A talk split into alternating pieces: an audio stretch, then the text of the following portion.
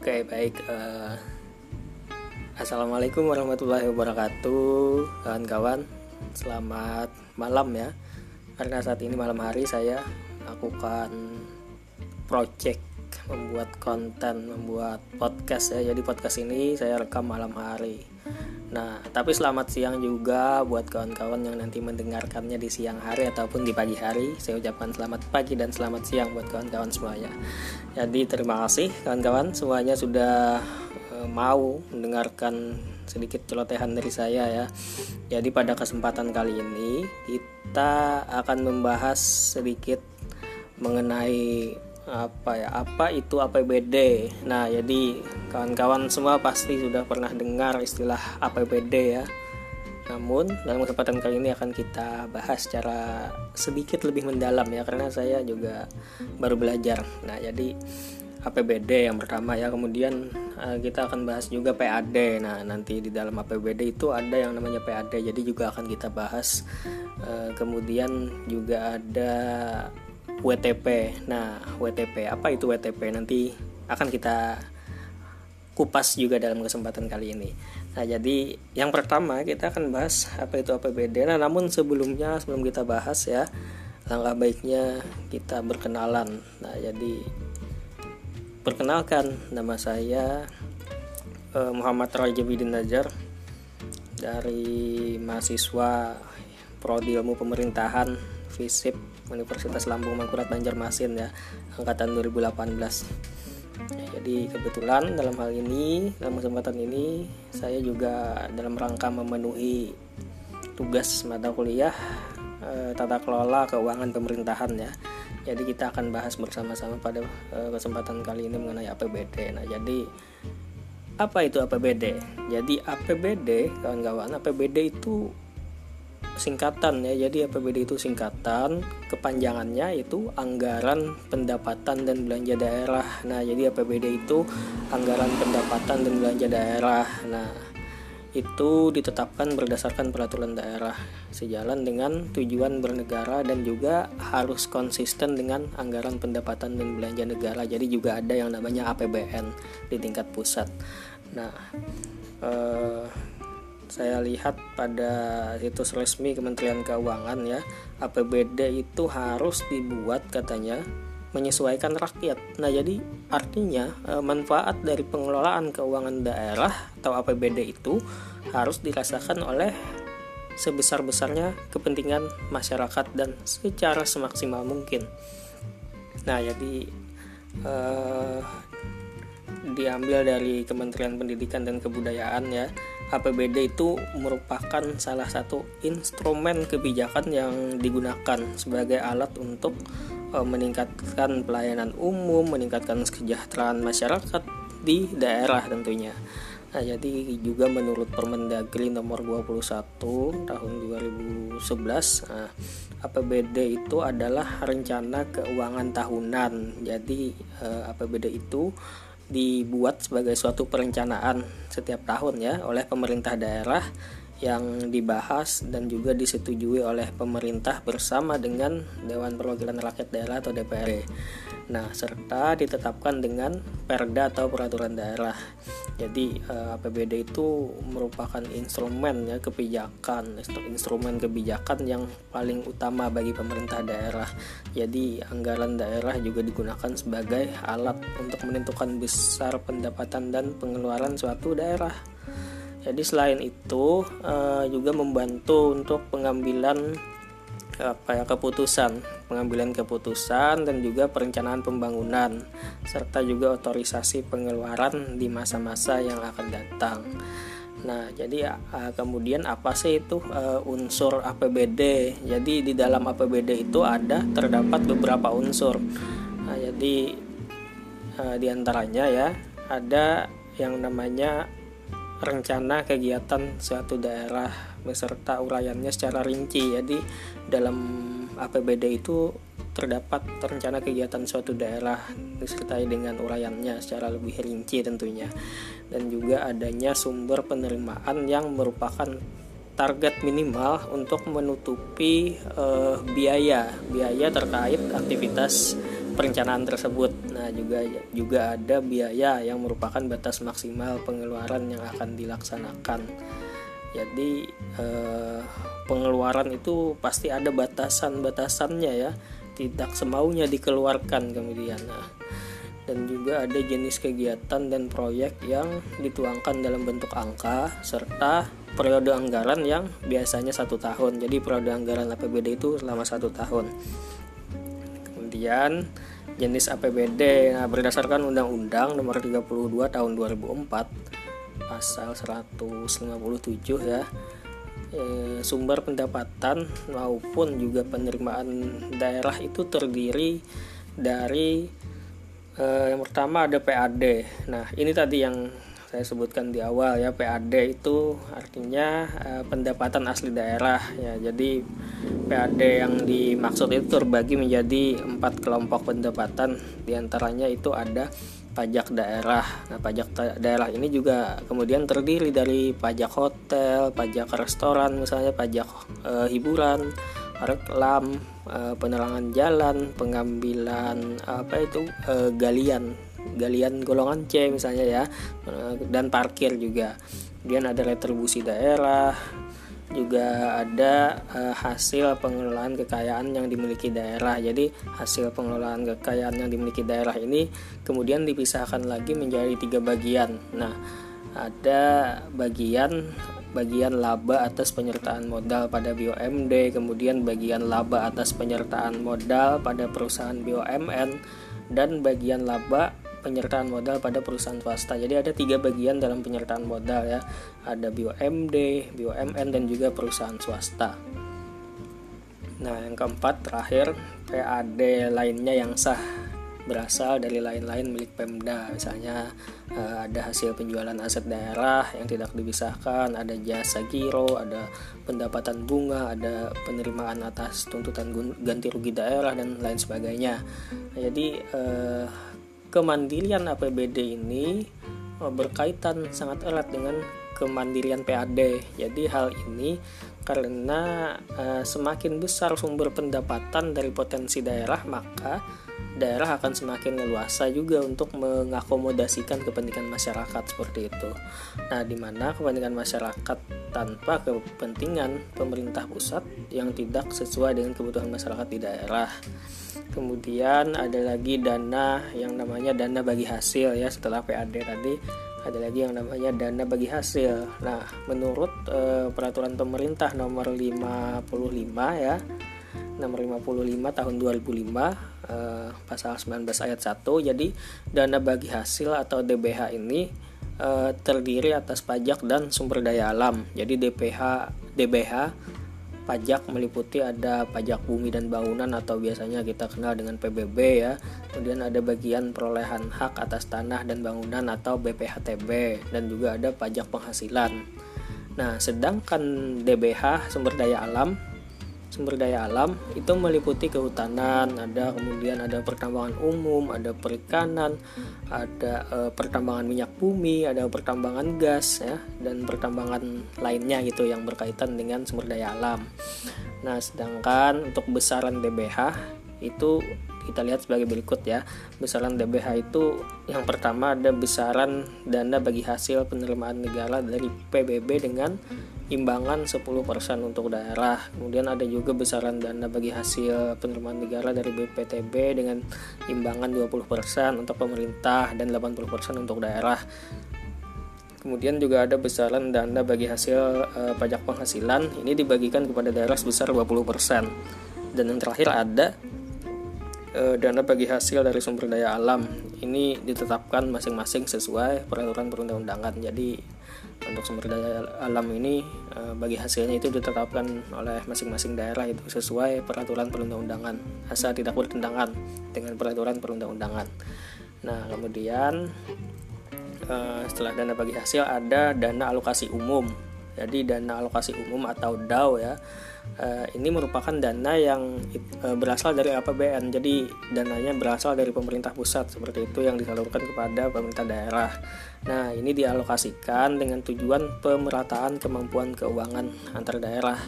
untuk membiayai kebutuhan pengeluarannya dalam rangka pelaksanaan desentralisasi. Nah, kemudian selanjutnya ada juga yang namanya dana alokasi khusus. Nah, jadi menurut Undang-Undang e, 33 tahun 2004 ya, dana alokasi khusus atau DAK. Nah, ini adalah dana yang juga bersumber dari pendapatan APBN yang kemudian juga dialokasikan kepada pemerintah daerah. Jadi hampir sama dengan dana alokasi umum ya. Jadi tujuan DAK ini untuk e, membantu mendanai kegiatan khusus. Jadi Eh, tidak untuk eh, kegiatan-kegiatan pada pemerintah daerah pada umumnya. Jadi untuk kegiatan khusus yang merupakan urusan daerah dan sesuai dengan prioritas nasional. Jadi tidak bisa juga sembarang kita menggunakan dana alokasi khusus apabila tidak sesuai dengan prioritas nasional dan urusan daerah tentunya. Jadi eh, kegiatan khusus tersebut di antaranya ada kebutuhan yang tidak dapat diperkirakan dengan alokasi umum. Jadi itu jatuhnya ke alokasi khusus ya. Kemudian ada kebutuhan yang merupakan komitmen atau prioritas nasional.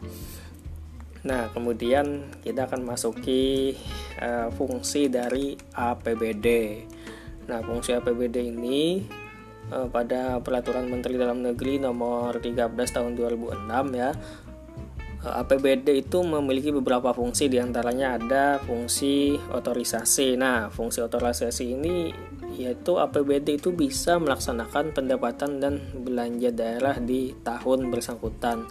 Kemudian ada fungsi perencanaan. APBD menjadi sebuah pedoman bagi manajemen di dalam hal merencanakan sebuah aktivitas atau kegiatan pada tahun yang bersangkutan. Jadi eh, berfungsi untuk perencanaan gitu. Kemudian ada fungsi pengawasan. APBD menjadi sebuah pedoman untuk bisa menilai apakah aktivitas penyelenggaraan pemerintah daerah itu sudah sesuai dengan ketentuan yang ditetapkan. Jadi itu fungsi pengawasan dalam APBD. Kemudian juga ada yang namanya fungsi alokasi. Nah, APBD dalam hal ini diarahkan untuk bisa menciptakan e, lapangan kerja maupun mengurangi pengangguran juga. Nah, serta meningkatkan efisiensi dan efektivitas perekonomian suatu daerah.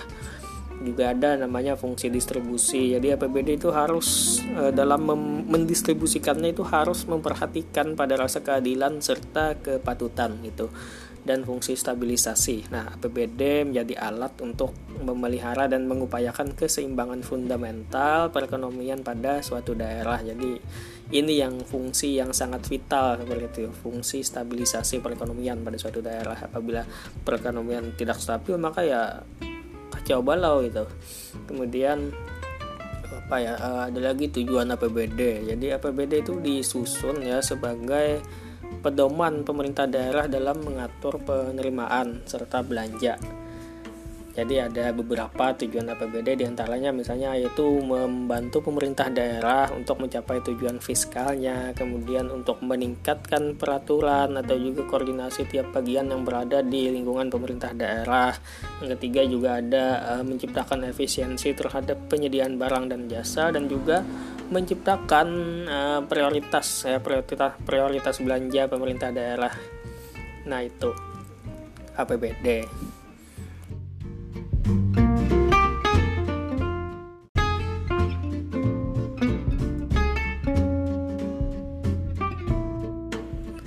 Ya baik, jadi uh, kita sudah bahas apa itu APBD Kemudian kita akan masuk ke pembahasan selanjutnya yaitu mengenai PAD. Jadi apa sih itu PAD? Nah, namun sebelumnya bahwa uh, sebelum kita bahas secara lebih mendalam ya, uh, kita ketahui bersama bahwa penyebaran COVID-19 ya atau corona di Indonesia saat ini tidak hanya berimplikasi terhadap uh, masalah kesehatan ya, tetapi uh, juga memberi dampak dan pukulan yang keras pada uh, perekonomian negara kita. Nah, jadi uh, penerimaan pemerintah termasuk pemerintah daerah ya saat ini itu mengalami pemerosotan atau penurunan yang cukup signifikan ya bersamaan dengan melesunya dunia usaha juga. Nah, jadi minimnya penerimaan daerah itu e, ditambah dengan pemangkasan dana transfer dan pemberian e, relaksasi dari pemerintah pusat yang membuat pemerintah daerah saat ini eh, kian sulit merealisasikan target pendapatan asli daerah atau PAD-nya ya. Jadi untuk itu eh, banyak pemerintah daerah yang juga kemudian menurunkan target PAD-nya. Jadi untuk menyiasati kondisi itu banyak pula pemerintah daerah yang kemudian menggali potensi pajak daerahnya yang baru itu. Pajak-pajak baru mereka cari Uh, selain itu juga ada pula daerah yang membuka kembali kafe misalnya uh, restoran, salon, tempat tempat-tempat hiburan yang menjadi uh, kontributor besar dari pendapatan asli daerah atau PAD. Nah, lantas sebenarnya apa yang dimaksud dengan PAD? Itu tadi yang kita akan bahas sedikit agak dalam ya. Jadi definisi dari PAD itu kita akan merujuk pada pasal 1 ya ayat 18 Undang-Undang Nomor 33 tahun 2004. Nah, jadi eh, PAD atau eh, pendapatan asli daerah. Nah, jadi eh, PAD ini merupakan pendapatan yang diperoleh daerah yang dipungut berdasarkan peraturan daerah sesuai dengan peraturan perundang-undangan. Jadi PAD itu apa istilahnya eh, perwujudan dari asas desentralisasi Nah, juga menjadi salah satu sumber pendapatan daerah tentunya. Nah, melalui PAD ini pemerintah daerah diberikan kewenangan untuk mendanai pelaksanaan otonomi daerahnya sesuai dengan potensi yang dimiliki oleh daerahnya.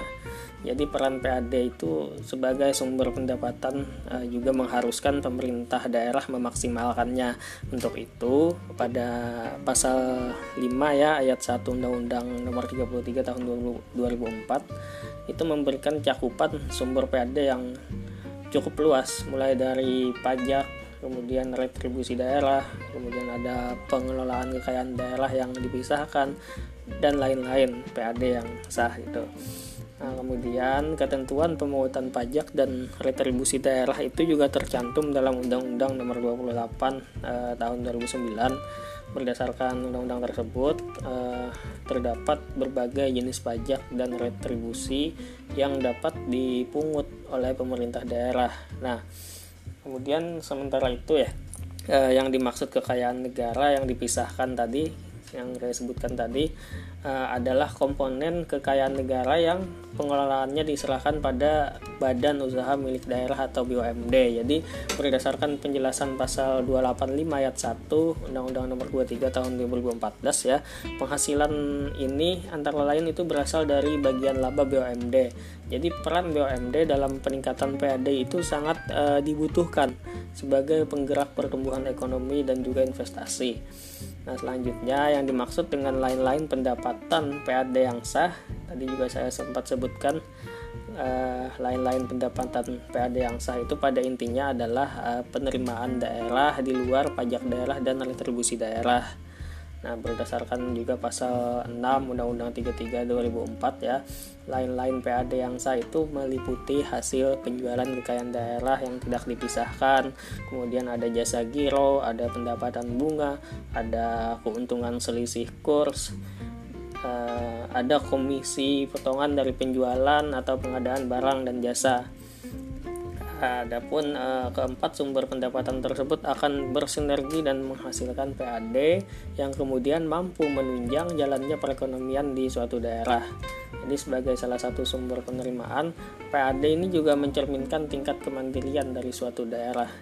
Nah, pernyataan tersebut mengindikasikan semakin tinggi capaian pendapatan asli daerah atau PAD pada suatu daerah, maka juga akan membuktikan bahwa daerah tersebut mampu melaksanakan desentralisasi fiskal ya. Nah, selain itu juga capaian tersebut menunjukkan uh, bahwa daerah tersebut tidak bergantung pada pemerintah pusat tentunya. Dan ketentuan mengenai PAD ini juga tercantum dalam Undang-Undang Nomor 23 Tahun uh, 2014 kemudian juga ada pada peraturan pemerintah nomor 58 tahun 2005 juga ada pada peraturan Menteri Dalam Negeri nomor 13 tahun 2006 dan ketentuan lainnya yang tentunya diatur oleh Menteri Keuangan. Jadi berdasarkan eh, penjelasan tadi ya, PAD ini eh, dapat kita sebut uh, merupakan salah satu sumber pendapatan daerah.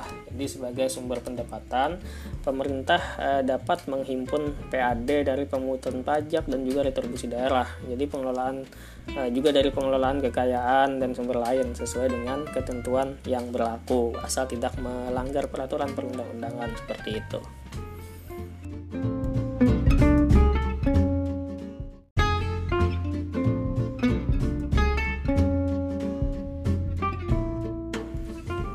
Oke baik. Nah jadi itu tadi mengenai eh, PAD ya. Jadi kita sudah bahas mengenai APBD, kemudian mengenai PAD juga sudah sedikit agak terbuka lah ya uh, mengenai uh, keuangan pemerintahan seperti itu.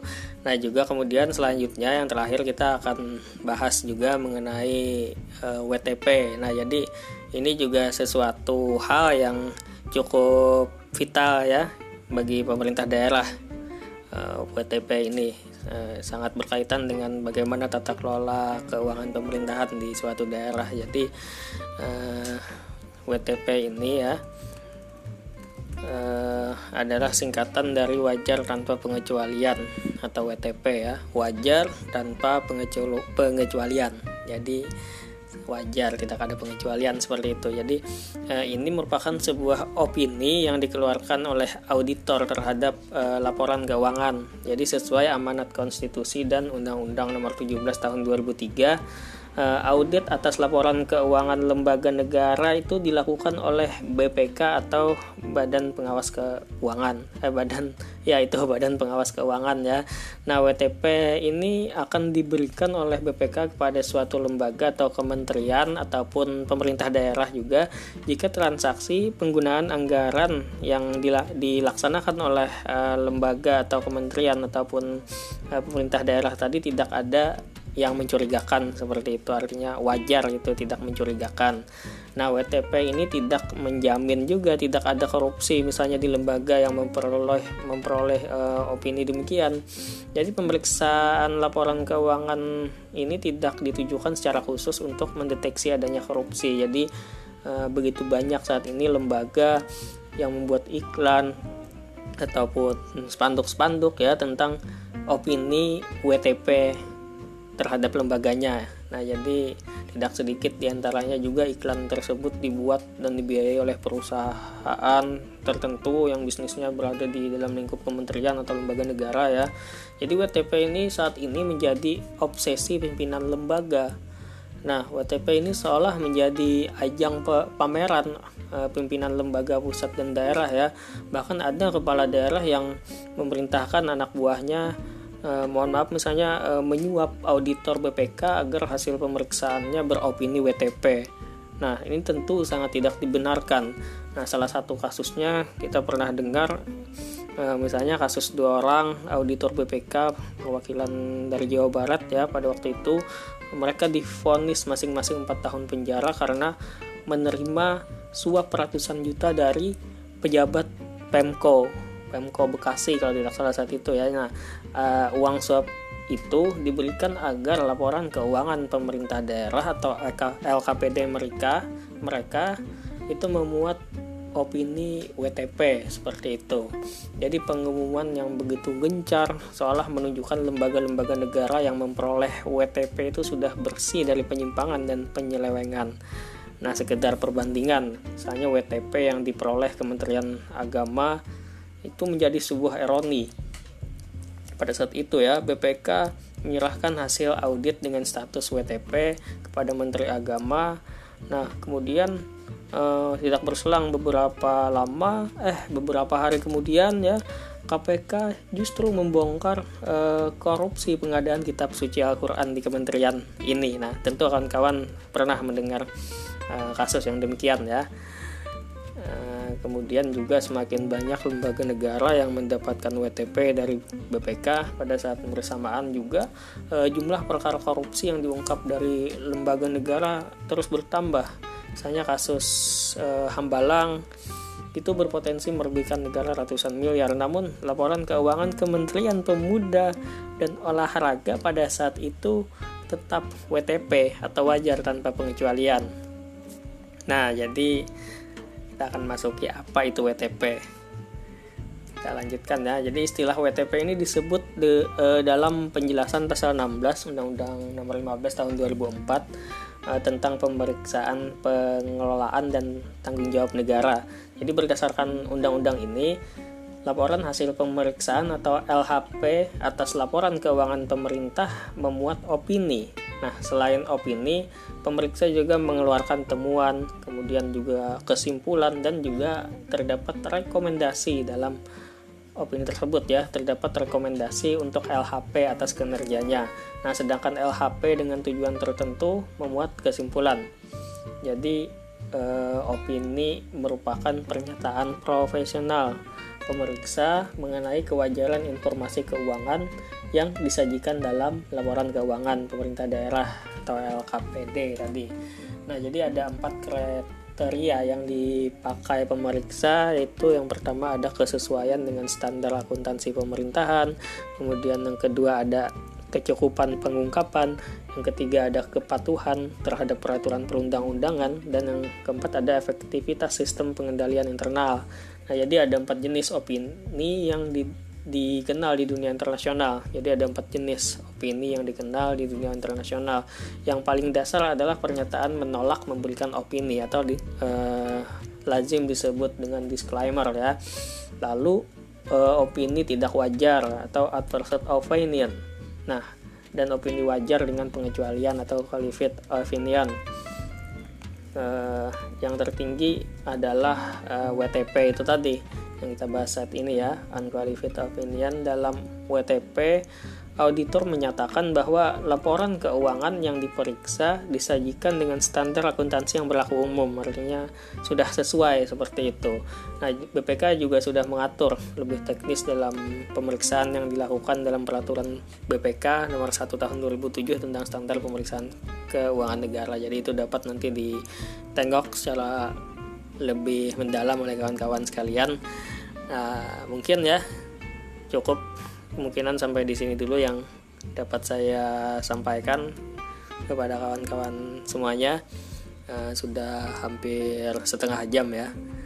Nah demikian mungkin. Terima kasih banyak. Eh, kawan-kawan semoga tetap sehat ya dalam kondisi pandemi seperti ini. Tetap utamakan uh, protokol kesehatan tentunya. Demikian uh, terima kasih. Assalamualaikum warahmatullahi wabarakatuh